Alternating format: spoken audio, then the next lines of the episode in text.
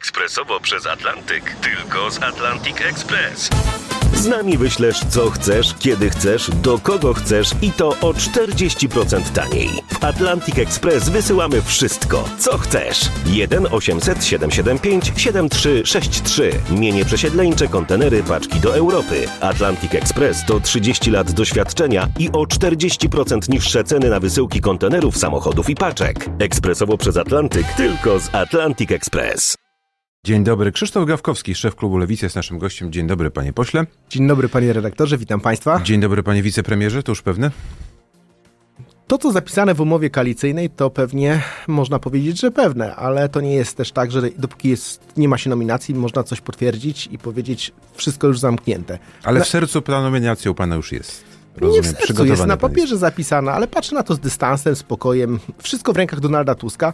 Myślę, że to on będzie ogłaszał całość tego, jak będzie Rada Ministrów wyglądała. Ja wiem jedno, na pewno dla Lewicy to były udane negocjacje. Udało się te obszary, o których myśleliśmy, wziąć w tą pulę naszego zainteresowania i dlatego mam też szacunek do partnerów i do Hołowni, i do PSL-u, i do Platformy, że te negocjacje szły tak, że pomimo tego, że były ciężkie czasami, na końcu okazały się sukcesem. To kiedy poznamy skład tego rządu Donalda Tuska? Chciałbym, żeby to było pojutrze. No chyba to niemożliwe, ale realnie. No, no, realnie chciałbym, żeby to było pojutrze, bo jak patrzę na ostatni tydzień, kiedy na spotkania z panem Mateuszem Morawieckim, obecnym premierem, szukającym poparcia, nikt nie przyszedł prawie, okazało się, że nie ma żadnej większości do tego, żeby stworzyć rząd, to oczekiwałbym, że przyjdzie w poniedziałek, powie sorry chłopaki, dziewczyny w Sejmie, nie udało się, dziękuję bardzo, nie tworzę tego rządu. A jeżeli przyjdzie z nowym rządem, powie, że go stworzy na dwa miesiące, znowu zacznie się jakaś ciuciu babka i mówi, nie będziemy mieli większość, to pewnie Donald Tusk stanie w szranki bycia premierem dopiero 11 grudnia. Czyli 12-13 zaprzysiężenie? Tak będę No chciałbym, mam pan? nadzieję, żeby, że prezydent znowu nie powie nie mam je, wyjechałem, może narty, może jakieś inne obowiązki. Nie, no chyba jeszcze narty za wcześnie. No przypominam, że chyba, to po, po, połowa grudnia będzie, więc w Szwajcarii już może być na nartach prezydent. Chciałbym, żeby to było bardzo szybko, dlatego że przypominam, że mamy do czynienia ze szczytem Unii Europejskiej. Ten szczyt odbywa się w połowie grudnia i to w tym tygodniu, w którym Mateusz Morawiecki, gdyby wyczerpał ostateczne terminy konstytucyjne, przyjdzie po wotum zaufania dla swojego rządu. Zwlekanie zatem z tym zaprzysiężeniem przez prezydenta powodowałoby komplikacje, kto pojechać ma na szczyt. A dla mnie jest jasne. Jedyną osobą, która może pojechać na szczyt, to jest Donald Tusk. Yy, Mateusz Morawiecki w poniedziałek ma przedstawić skład swojego rządu i mówi, że rozmawiał z kilkudziesięcioma nawet politykami no, dzisiejszej jeszcze opozycji. Z kimś z lewicy rozmawiał, jak pan myśli? Ja wczoraj długo spędziłem dużo godzin w Sejmie i wiem jedno, ani z nami, z żadnym naszych posłów nie rozmawiał nikt z PiSu, oprócz pisma, które otrzymałem na ręce, zaproszenie. A może boją się powiedzieć, boją się przyznać, bo nie, sam no, premier mówi, że konsekwencje za to będą groziły. Ale nie wierzę w to, dlatego że i w PSL-u, i u Szymona Hołowni dokładnie jest tak samo. To znaczy nikt z nikim nie rozmawiał. To jest gra, ze znaczonymi kartami, w której Mateusz Morawiecki wie, że już przegrał, ale blefuje, blefuje, blefuje. Tylko na koniec też to jest trochę ośmieszające dla premiera, który Polską rządził 6 lat. Dla człowieka, który mimo wszystko w PiSie jest znaczącą postacią. No i przyjdzie, wszyscy wiedzą jak jest, takie e, toczą się gierki, ludzie na to patrzą, no śmieszające to Ale jest pan premiera. by się poddał na jego miejscu? Myślę, że każdy polityk, gdyby dostał taką propozycję, chyba dociągnąłby ją do Gdyby samego to końca. była propozycja dla premiera, który walczy rzeczywiście o e, honor, to bym pewnie walczył. Ale premier Morawiecki był 8, 6 lat premierem. Znaczy, to nie jest człowiek, który przychodzi znikąd i, i nie wie, jak to działa. Budował większości, miał na zapleczu Jarosława Kaczyńskiego. Dzisiaj gra jak pacynka w grze pana premiera Kaczyńskiego, e, prezesa partii swojej, a nie liczy się z rozsądkiem tego, co rzeczywiście to, go zostaje. To kto w tym rządzie może być? Jakie no są przecieki, które na przykład pan jako no, wytrawny polityk, wieloletni poseł y, może wiedzieć? Bo, Panie redaktorze... bo nawet Michał Dworczyk tu w tym tygodniu, nie, w ubiegłym, w ubiegłą sobotę w tym miejscu, gdzie pan siedział, też powiedział, że propozycji nie dostał i też nie wie, kto z PiSu taką propozycję mógłby dostać. Widzę od dwóch tygodni nowy rząd Donalda Tuska, który wszyscy rozłączyli na czynniki. Czyli kto premierami, wiceministrami, wszystkie stacje, łącznie z RMF-em, podają, kto będzie nowym ministrem. Ale toczy się walka o rząd Mateusza Morawieckiego i nikt nie podaje kandydatur. No to samo sobie świadczy, że skoro dziennikarze nie interesują się, a jest sobota, rozmawiamy nie, no dzisiaj interesują w sobotę. się, tylko może jest mur. Nie no, panie rektorze, rozmawiamy w sobotę rano, pan doskonale wie, również zajmując się polityką latami, żeby pan dzisiaj miał tu całą listę kandydatów, kandydatek na ministry, na ministrów, gdyby to było na poważnie. Mielibyśmy rozmowę o tym, kto finanse, kto skarb, kto obrona, kto sprawy wewnętrzne. Przecież odpytywałby mnie pan od początku, a my rozmawiamy rano, że nie znamy mamy żadnego kandydata. Czy to jest poważne? To co, w ogóle nikogo nie będzie, jak pan na to patrzy? Nie no, myślę, że będzie, ale czwarty, piąty szereg polityczek, polityków e, PiSu, pewnie jakieś osoby, które gdzieś w ministerstwach pracowały na jakichś stanowiskach, powiedzmy, no trochę e, schowanych za plecami ja nie wyobrażam sobie, że Jacek Sasin stanie, że stanie Zbigniew Ziobro, że stanie Przemysław Czarnek, że stanie mm, e, Mariusz Błaszczak. Wszyscy powiedzą, no, jesteśmy Może to być rząd techniczny, tak jak kiedyś rząd Marka Belki, przypomnę, jeśli dobrze pamiętam, prawie rok działał, więc może tutaj będzie Ale tak samo. rząd Marka Belki uzyskał wotum zaufania. Znaczy, problem polega na tym, że rząd Marka Belki, rząd lewicy wtedy, został wybrany, a tutaj nie będzie wybrany ten rząd, więc to wszystko jest e, tak za kurtyną cienia się dzieje, nikt nic nie wie, a prawda jest taka. W poniedziałek będzie pierwszy krok, czyli gra. O tą większość, później dwa tygodnie zwlekania, na koniec przyjdzie premier, uzyska e, czerwoną kartkę, bo wszyscy z większości obecnej sejmowej powiedzą, nie ma na ten rząd zgody. No i teraz wtedy wejdzie prawdziwy rząd, który ma szansę w Polsce rządzić. Większość uzyskana przez trzecią drogę Lewicę i Platformę. Krzysztof Gawkowski jest, przypomnę, naszym gościem, prawdopodobnie przyszły wicepremier i minister cyfryzacji. Co by pan zmienił w tym resorcie, który pan obejmie? Co nie działa? Czy obejmę, czy nie, w rękach Donalda Tuska to, ale na pewno wizję cyfryzacji Lewica miała i ma. Kilka miesięcy temu ogłosiliśmy raport o cyfrowej e, Polsce, o cyfrowej dekadzie. Dla mnie cyfrowy świat to jest świat, który dotyczy nie tylko jednego obszaru administracji, bo często mówimy aplikacja obywatel, administracja. Dla mnie cyfrowy świat dotyka i obszarów zdrowia, polityki społecznej, edukacji, logistyki, transportu, ochrony środowiska, spraw wewnętrznych, armii, cyberbezpieczeństwa. Masa. Mhm. Masa różnych rzeczy. Czyli to są które kompetencje wielu resortów, tak? Rozumiem, że pan by chciał się, to w jakiś sposób objąć swoim przecinają się, ochronnym? Przecinają się w wielu miejscach różnego rodzaju działania państwa, które dotyczą i naszego bezpieczeństwa, bo to chodzi o to, żeby w wojnach hybrydowych, czy w ogóle w sytuacji zagrożenia hybrydowego było bezpieczeństwo i w takim codziennym życiu, gdzie ułatwiamy sobie sprawy, chociażby kontaktami z urzędami skarbowymi, różnego rodzaju innymi instytucjami, gdzie spotykamy się na przykład z technologią mhm. cyfrową Ale na co dzień. Tylko jedno zdanie, na przykład w technologii, takiej jak technologia miejska, nawet światła. Dzisiaj jechałem do redakcji e, RMF-u tutaj w Warszawie i przecież światła są sterowane również systemami cyfrowymi. To tak naprawdę jest no wszystko, czasami co puszczają powietrze. Żadnego przechodnia nie ma, samochody muszą czekać.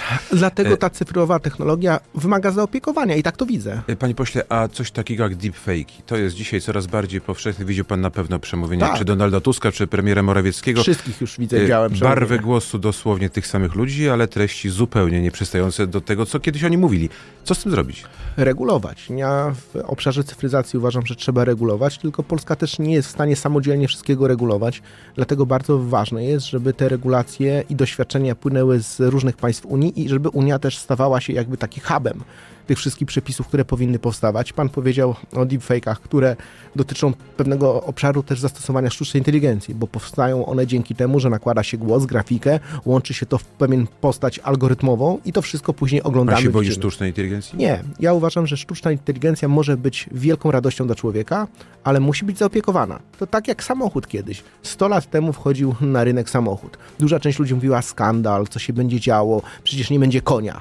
Okazało się, że samochód stał się e, rewolucją samą sobie dla człowieka, dla życia, dla komunikacji i tak będzie ze sztuczną inteligencją, ale pod warunkiem, że będziemy ją trzymali w lejcach. To znaczy nie powiemy, żeby te algorytmy jeszcze dzisiaj, a później sztuczna inteligencja sama się rozwijała, więc o jednej rzeczy chciałbym powiedzieć, o higienie cyfrowej. Uważam, że wyzwaniem dla przyszłości i Polski, ale i systemu edukacji jest nauczenie młodych ludzi, że higiena cyfrowa to jest w Polsce tak samo jak higiena osobista. Czyli żeby odpoczywali od telefonu komórkowego, kiedy jest czas na sen, to spali, a nie mm, bawili się komórką tak, ale, do późnych godzin. Ale wiedzieli, jak dzisiaj przychodzisz do domu i jesteś po pracy, to myjesz ręce.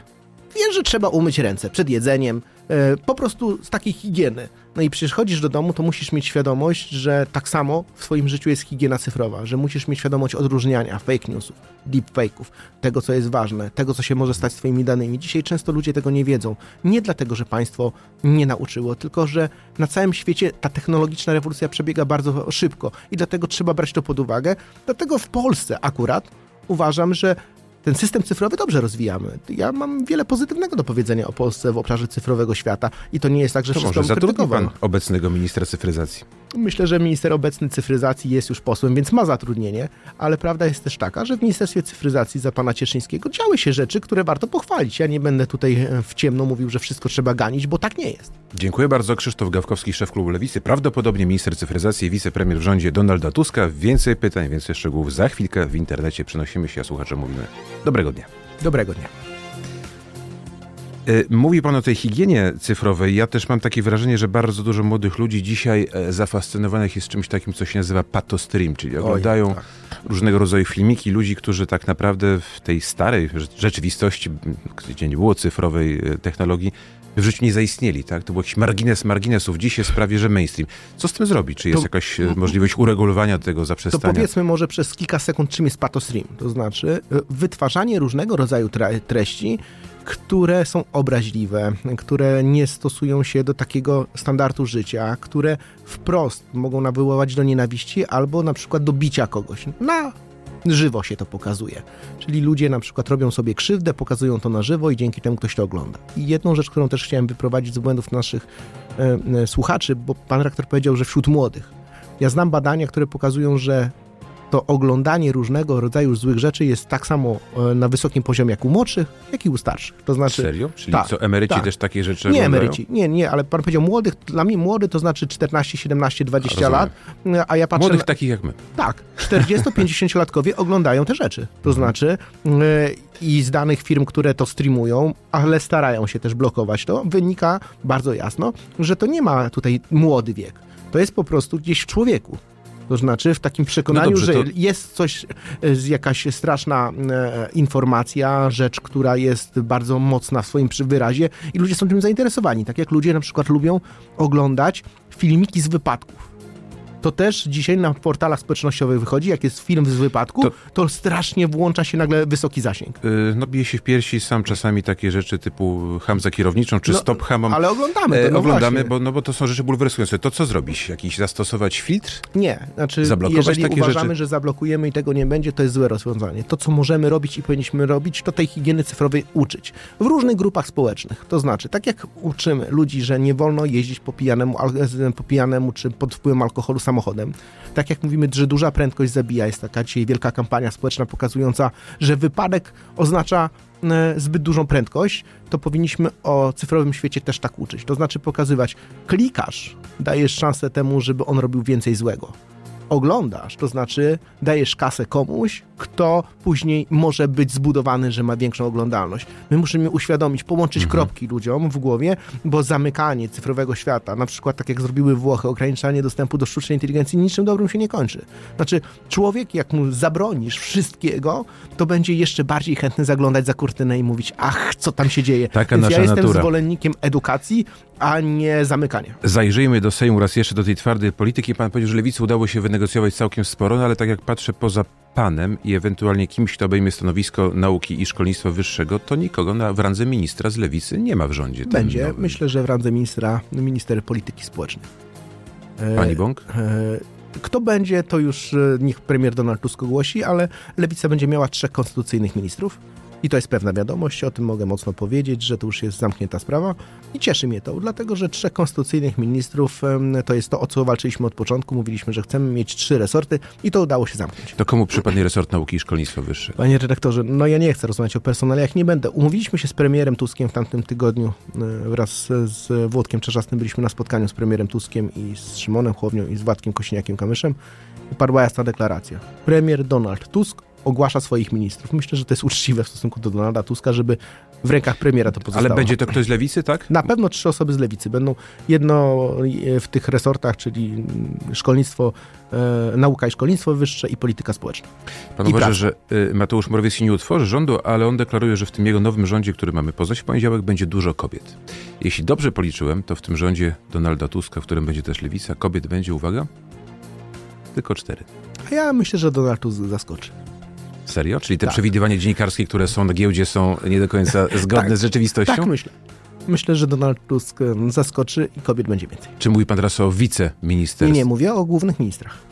U, to ciekawa informacja, no bo to jest y, dla niektórych... Ale to jest w rękach wszystko Donalda Tuska, naprawdę nie chcę o tym mówić, bo mam też takie lojalność. No, premier jest od tego, żeby to ogłaszać. Niech premier ma do tego dwa tygodnie. Na pewno dzień po dniu będą się pojawiały informacje już pewne, a nie takie, które są jeszcze spekulacjami. No to idźmy dalej. Będzie stanowisko pełnomocnika do spraw równouprawnienia? Chciałbym, żeby było, ale to też premier podejmie decyzję. A to w negocjacjach o tym nic nie mówiliście? Rozmawialiśmy o głównych ministerstwach i one były kluczowe. E, to stawało na agendzie.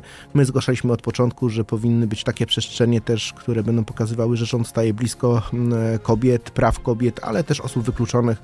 To dla nas było też takim programowym DNA w kampanii. No właśnie, ale Więc... nie upieraliście się, że takie stanowisko powinno być, bo kiedyś w rządzie PO-PSL było. Upieraliśmy się, ale te sprawy będą rozstrzygane dopiero w najbliższym tygodniu. Zamyka zamykana była do piątku Rada Ministrów, to co jest główne, resztę sprawy dopiero w przyszłych Związki tygodniach. partnerskie wrócą? Ja chciałbym. To znaczy, mam głębokie przekonanie, że związki partnerskie nie są, nie, nie, są w Polsce dzisiaj niczym nadzwyczajnym. Możliwość rozliczania się, zawierania związków, bycia po prostu równo traktowanym jest czymś, co powinno w XXIII roku XXI wieku być codziennością i normalnością. Rozmawiamy z naszymi partnerami. My zapowiedzieliśmy wprost, że będziemy w tej sprawie składali swoje projekty ustaw. Platforma mówi, że będzie popierała, więc e, tak naprawdę trzeba e, przekonać naszych pozostałych partnerów. Ja że w tej kadencji to zostanie załatwione. Pan mówi, że pan chciałby, ale co nie nalegaliście na Donalda Tuska, żeby to było w jakiejś tej umowie Donald, koalicyjnie Donald zawarte Tusk albo w jakimś szkicu? Donald Tusk jest za. To też, żebyśmy i Platforma Obywatelska e, szukamy też odpowiedzi o partnerstwo w czterech partiach koalicyjnych, bo my tworzymy trochę szerszą koalicję niż tylko dwie, więc są kompromisy. W tej sprawie myślę, że jest dużo otwartości. Chciałbym i wierzę, że sprawy związków partnerskich zostaną załatwione w tej kadencji. Nie wiem, czy zostaną załatwione, dopóki będzie prezydent Andrzej Duda, bo to o tym też rozmawialiśmy, że największym problemem e, przeprowadzenia tej ustawy może być prezydenckie weto i dlatego jest taka koncepcja, żeby ustawę przeprowadzić, ale czekać, że ona pójdzie do prezydenta, jak będzie prezydent, który wierzymy, będzie z tej większości, która dzisiaj rządzi Polską. Zaskoczył pana zwrot w PiSie w sprawie in vitro? Ja nie, nie... Kilka ważnych polityków, kilkoro, tak, ważnych polityków w tej kwestii się wypowiadało. Ale nie wierzę Wszyscy w takie popierają zwroty. nagle. No właśnie nie wierzę w takie zwroty. Myślę sobie tak, rządzisz 8 lat, odbierasz ludziom prawa do szczęścia. Jest to pierwsza, jedna z pierwszych decyzji, które podejmujesz. Nie do końca, bo in vitro nie jest zakazane. No, ale, jest ta procedura możliwa. To, ale, to chodzi ale, o dofinansowanie z budżetu państwa. To o, trochę czyli, co innego. Czyli jeżeli ktoś zarabia 10 tysięcy, to ma prawo do dzieci, a jak ktoś zarabia 3, to nie ma. Ja to mówię z własnego doświadczenia, bo wiem, e, jak trudno jest czasami starać się o dziecko, jakie chcesz mieć. Jak dużo zarabiasz, to sobie załatwisz to in vitro. Szczególnie, że nie za pierwszym razem się udaje. Jak trzy razy musisz załatwiać, musisz mieć kilkadziesiąt tysięcy złotych. Czyli musisz wziąć kredyt albo mieć te pieniądze. A jak nie masz, to co? Znaczy to mówisz, nie mam dzieci, bo jestem biedniejszy. No i teraz państwo w pierwszej decyzji PiSu 8 lat temu zablokowało to. Powiedziało, no nie, nie, nie, my nie będziemy tego finansowali. No dobra. Metoda legalna, czyli dla bogatych, dla biednych niedostępna. I dzisiaj 8 lat mija, kiedy my w pierwszej ustawie, którą robi nowy parlament, w pierwszej ustawie, która jest na agendzie, czyli w prawie do szczęścia, mówimy, że przychodziliśmy do parlamentu, żeby dać prawo do szczęścia. Nagle w PiSie otwierają się głosy i mówią, no nie, my też zawsze byliśmy po tej stronie. Znaczy, no wy... może tak nie mówią, ale no mówią, że, że, że, że nie są przeciw, tak? No to, to Mimo, dlaczego, że byli to dlaczego nikt nie poszedł do Kaczyńskiego, nie powiedział, panie e, premierze Kaczyński, niech pan się zgodzi na in vitro. Znaczy, patrzę na to z dużym dystansem i wyobrażam sobie tutaj dużą hipokryzję gdzieś, bo zabranie ludziom szansy na dofinansowanie in vitro, a po 8 latach mówienie, a to taki nie najgorszy projekt, to dlaczego nie głosowaliście za tym dwa lata temu, pół roku temu? Dlaczego? To może to samo stanie się z aborcją po tej stronie konserwatywnej, może tam też nastąpi zmiana. Nie wiem, gdzie tam nastąpi zmiana, bo myślę sobie, że łatwo jest mówić, jak się siedzi w opozycji, że za coś się popiera, za czym się jest, a później przychodzą głosowania i karnie wszyscy posłowie PiSu e, o, o, za odrzuceniem in vitro głosowali bo przypominam, że projekt in vitro był obywatelski. I był pół roku temu w Sejmie. I wtedy w PiSie pół roku to dzieli tą odległość. Nikt w PiSie nie mówił tego, co teraz. Znaczy, co się stało? Przestali się bać Kaczyńskiego? Przestali się bać e, tego, że można powiedzieć prawdę, co masz w sumieniu, to wtedy karnym byłeś politykiem PiSu i bałeś się powiedzieć, że myślisz tak, jak w Polsce większość myśli, a, a, a bałeś się głosować. Nie podoba mi się to. Może polska prawica umowna, tak, zdąża, podąża tą samą drogą, co na Zachodzie, że tak naprawdę te partie konserwatywne są tylko z nazwy. No dobrze, ale... A z przekonań już nie. No tak, ale ja bym chciał, żeby w Polsce konserwatywne, prawicowe partie zachowywały się tak jak chociażby konserwatywci Wielkiej Brytanii, którzy umieli wznieść się ponad i powiedzieć związkom partnerskim tak. Ale obawiam się, że jak przychodzą do władzy, to robią co innego. No, no dopieszczanie... Chcąc być wiernym idei, tak? No tak, ale I to tym, po co... co znaczy, to kiedy jest się wiernym? Dzisiaj, kiedy się mówi, że wcale in vitro nie jest złe, czy wtedy, kiedy się zamykało? Znaczy, kiedy się jest prawdziwym? No, dla mnie jest to problem. Ja jestem człowiekiem lewicy i mam też w swoim życiu różne mm, dylematy, które wiążą się z tym, czy rzeczywiście wszystkie moje poglądy e, idealnie się wpisują w lewicę, ale przynajmniej mówię o nich wprost. Mówię, że jestem katolikiem, że chodzę do kościoła, ale że chcę rozdziału państwa od kościoła, że nie chcę, żeby kościół był finansowany z budżetu państwa.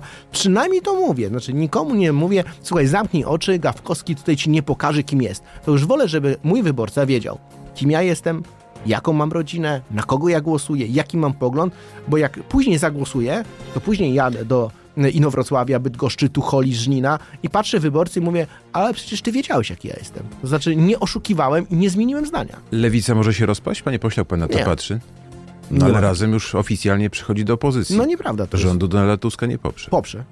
Czyli no Marcelina Zawisza to powiedziała wczoraj. Nie, znaczy powiedzieli, że głosują za tą koncepcją dotyczącą wsparcia e, wotum. E, Do rządu na pewno nie wejdą, tak? No tak, ale to jest dwie różne, dwa różne aspekty. To znaczy wspierają obecnie tworzącą się koalicję, są w naszym klubie lewicy, głosują za, i nie widzę tutaj problemu, żeby powiedzieć, że to jest bardzo, bardzo uczciwe podejście. A nie jest jakiś wyłom w tej tamie i ona za jakiś czas może runąć? Ale niech pan popatrzy na głosowania. To znaczy dzisiaj w Sejmie głosowania już się odbywają. I one wyglądają 248 do 194, więc yy, to jest trochę takie rozbudowane przekonanie, że lewica gdzieś tam e, siedzieli. A ja uważam, że na przykład Zamberg e, i Magda Biejat, szefowie partii Razem, naszego koalicjanta, mówią wprost. Na przykład chcemy, żeby było na budownictwo mieszkaniowe więcej pieniędzy. Jak będzie te pieniądze w budżecie zapisane, to z chęcią wyjdziemy do tego rządu. To jest też takie parcie no, na realizację to programu. To czekamy jako obserwatorzy na te ważne rzeczy, ale jeszcze zapytam pana o trzy komisje śledcze. Koalicja Obywatelska złożyła taki projekt. Rozumiem, że Lewica to poprze. To jest ja uzgodnione. Zapytam, ja zapytam pana, czy to nie są igrzyska. Czy to nie są igrzyska, bo co z te, jaki chleb z tego będzie? Chleb odpowiedzi na pytania, Polityczny. które dzisiaj e, nie są znane. Patrzę na przykład na sprawy dotyczące tego, co się działo w aferze podsłuchowej. Ja mam głębokie przekonanie, że my wiele nie wiemy. Dlaczego były wydawane zlecenia, kto kogo podsłuchiwał, jak był stosowany Pegasus, komu włączano na przykład podsłuch trzydniowy bo wtedy on jest e, tak zbudowany, że nie trzeba go mocno rejestrować. E, chciałbym to wszystko zobaczyć. I myślę, że Prawo i Sprawiedliwość wykorzystywało też służby specjalne do tego, żeby mieć wiedzę operacyjną o swoich przeciwnikach. I wydaje mi się, że trzeba to wyświetlić, żeby pokazać to też społeczeństwu i powiedzieć, to była patologia, za którą trzeba kogoś ukarać. Jest już koncepcja, kto z lewicy wejdzie w skład tych komisji? Koncepcja zaczyna się tworzyć. Na pewno jednym z parlamentarzystów będzie Tomasz Trela. Mhm. E, poprzecie każdego kandydata z PiSu, który tam będzie chciał wejść? Czy znów będzie tak jak marszałek znaczy, Witek? Znaczy nie wyobrażam sobie tego też, uczciwie też tak mówiąc. No jeżeli do komisji śledczej w sprawie Pegasusa chciałby wejść pan minister Kamiński, który był jednym z tych, który mógł zlecać te pod, pod, podsłuchy, no to dla mnie to by była chora, patologiczna sytuacja. To znaczy ktoś, kto odpowiada za to, że mógł kogoś podsłuchiwać, wszedłby do komisji, która ma to badać, to bym był osobiście przeciw. Szymon Hołownia. Atutem czy przeszkodą dla niektórych polityków w tej zjednoczonej opozycji rośnie bardzo mocno w siłę? Bardzo dobrze, to znaczy marszałek, który potrafi zarządzać salą, a jednocześnie ma język, który daje takie poczucie, że mm, nareszcie może opozycja jeszcze dotychczasowa, dzisiaj większość sejmowa na razie, mm, wygrywać głosowanie, a jedno, jednocześnie nikogo nie karci przy szacunku dla regulaminu, bardzo mi się podoba w swojej roli. Może ja... być takim wspólnym kandydatem opozycji w przyszłych wyborach prezydenckich? Nie sądzę, żeby był wspólny kandydat opozycji w wyborach prezydenckich. Myślę, że Lewica na pewno, a pewnie i każda inna partia polityczna wystawi swoją kandydatkę, kandydata na prezydenta. Krzysztof Gawkowski. By prawdopodobnie przyszły wicepremier misy cyfryzacji, na razie cały czas szef klubu Lewicy. Dziękuję bardzo. Dziękuję bardzo, pięknego dnia Państwu. Wzajemnie, mimo tego śniegu z okna.